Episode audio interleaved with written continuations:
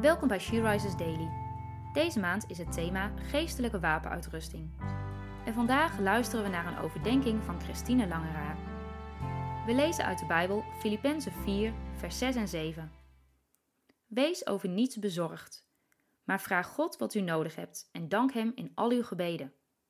Dan zal de vrede van God, die alle verstand te boven gaat, uw hart en gedachten in Christus Jezus bewaren. Er zijn honderden wetenschappelijke studies naar de positieve effecten van dankbaarheid. Je dankbaar voelen wordt gelinkt aan minder stress, diepere slaap en een betere gezondheid. Het maakt mensen vriendelijker, behulpzamer en minder materialistisch. Eventually, science catches up with the Bible. Wat me opvalt is dat in de huidige dankbaarheidstrend nooit wordt gerept over wie je dankbaar bent.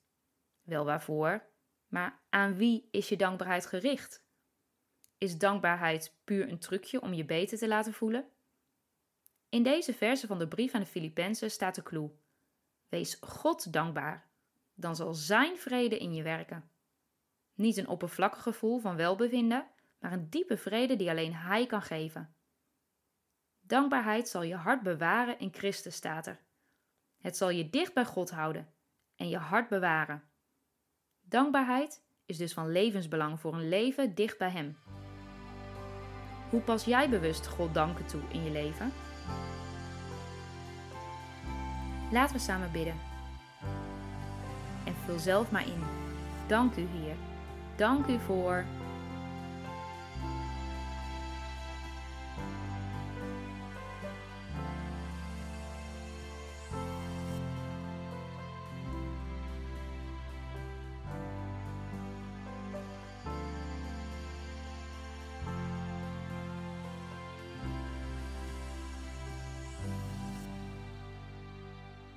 Ja, Heer, als wij bij stilstaan, hebben we zoveel om voor te danken. Dank u voor de grote, trouwe en liefdevolle Vader die u voor ons bent. Amen.